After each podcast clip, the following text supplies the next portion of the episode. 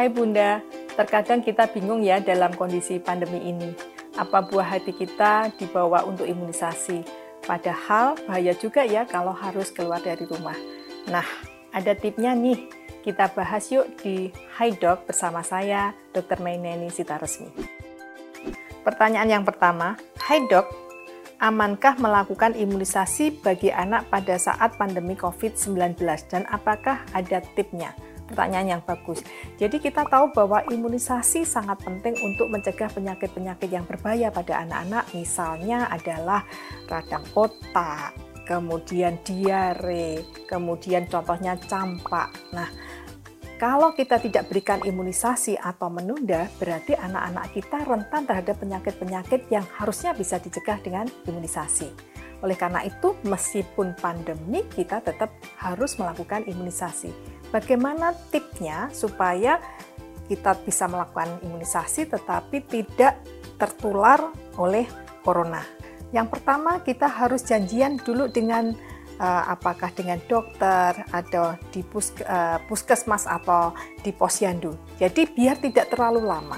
Kemudian yang kedua, biasanya petugas di sana sudah melakukan uh, persiapan. Jadi apa tempatnya harus yang terbuka gitu ya. Kemudian tidak boleh ada yang menunggu terlalu lama, tidak bercampur dengan anak-anak atau orang yang sakit. Kemudian yang penting untuk Bunda pada waktu bawa ke sana kita harus yakinkan putra kita dalam kondisi yang sehat ya. Jadi kalau misalnya biasanya di sebelum pandemi batuk pilek boleh imunisasi, kalau saat ini batuk pilek demam ditunda dulu. Apalagi kalau misalnya ada tet, ya, tet, apa keluarga kita yang baru kena COVID, maka anak kita haruskan harus diisolasi, tunggu 14 hari, baru setelah itu sehat, kemudian baru divaksinasi. Kemudian tetap menerapkan protokol kesehatan, cuci tangan, kemudian pakai masker untuk orang tuanya ya, untuk anak di bawah 2 tahun nggak perlu.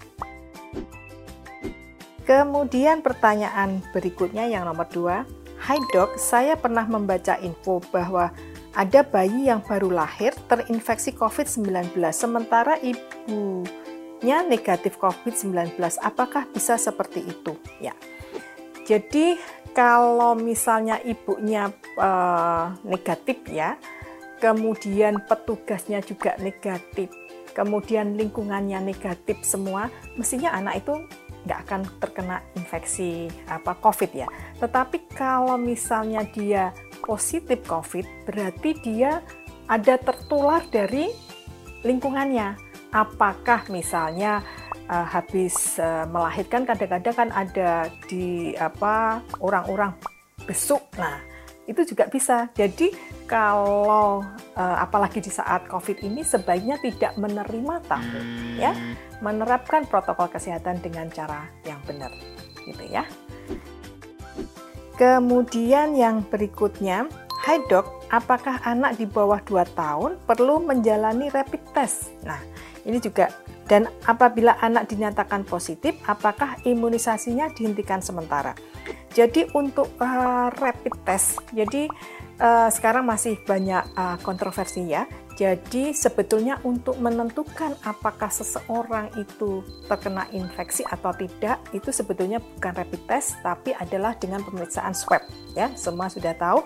Dan swab itu dikerjakan pada uh, orang yang dia uh, terpapar dengan misalnya mungkin kontak erat dengan uh, yang konfirmasi positif. Ya, misalnya ada uh, anak kita, kemudian suami kita positif, ya berarti kita semua yang kontak itu harus dilakukan dengan swab. Swab ya. Kalau hasilnya positif, maka ini harus diisolasi dan harus diobati sampai 14 hari. Kemudian kalau dalam 14 hari tidak ada gejala, maka kita berikan imunisasi setelah itu. Ya. Begitu ya. Nah, sekarang nggak usah khawatir lagi ya, Bunda. Selalu jadi orang tua yang siaga dan pastinya tetap memberikan imunisasi untuk buah hati kita.